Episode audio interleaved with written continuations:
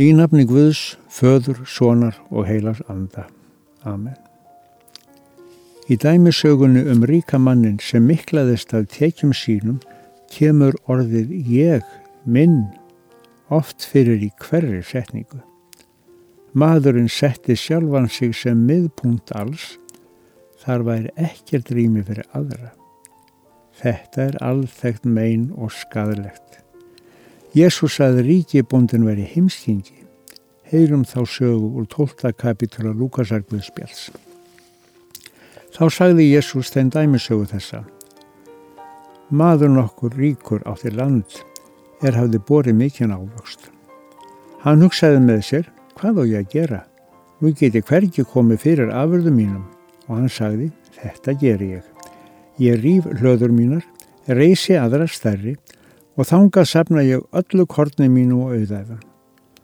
Og ég segi við sálu mína, sála mín, nú átt þú mikinn auð til margra ára, kvíl þig nú, et og drekk og verð glöð. En Guð sagði við hann, heimskingi, á þessari nóttu verður sál þína þér heimtuð og hver fær þá það sem þú hefur aflað? Svo fyrir þeim er safnar sér fjö en er ekki ríkur í augum Guðs. Byggjum nú í Jésu nafni. Við þökkum þér drottin gafir þínar, alls sem við njótum hvert einasta andartak lífsins. Hjálpað okkur til að sjá og meta að það eru ekki okkar eigin eignir eða verleikar, heldur að allt er þegið sem gafir frá þér.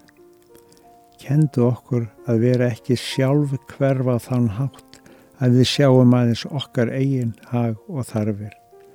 Hjálpa þú okkur að meta hvað það er sem raunverulega skiptir málu og er mest virði að vinátt og kærleikur til annara eru dýrmætustu gafirnar. Við byggjum þig því fyrir öllum okkar nánustu, blessa þeirra hag og kenn þeim að meta það sem ber að meta og þakka. Frá þér er fadir þrek og vit og þekking ást og trú, kenn oss að þakka einum þér það allt sem gefur þú og allt sem hver úr bítum ber er bróður skerfur hans sem bæta skal í þökk til þín úr þörfum annars manns.